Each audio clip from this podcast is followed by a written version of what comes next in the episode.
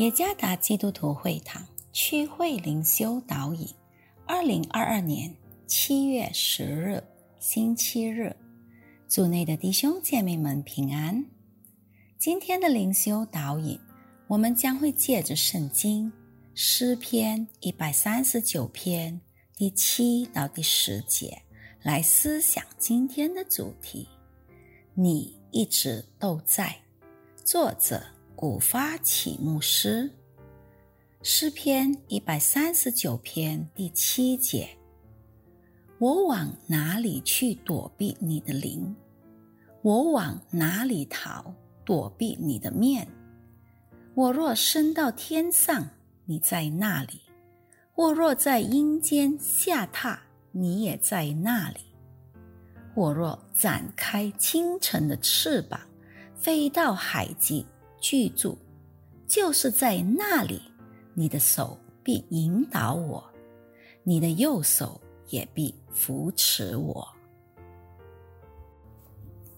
我的朋友是一名教会童工，年轻时被昵称为“无所不在”，因为在所有的教会活动中，他总是在那里。他几乎可以肯定。每天都在教堂里，所有的教会活动，他也从来没错过。直到有一天，他有好几个星期在教会的活动中不见踪影，他的确信轰动了整个教会。原来他病倒了。诗人认识上帝是谁？他所认识的上帝。是一位比他自己更认识自己的上帝。世人所认识的上帝就犹如这样：第一，他是无所不在的上帝。诗人写道：“我往哪里去躲避你的灵？我往哪里逃，躲避你的面？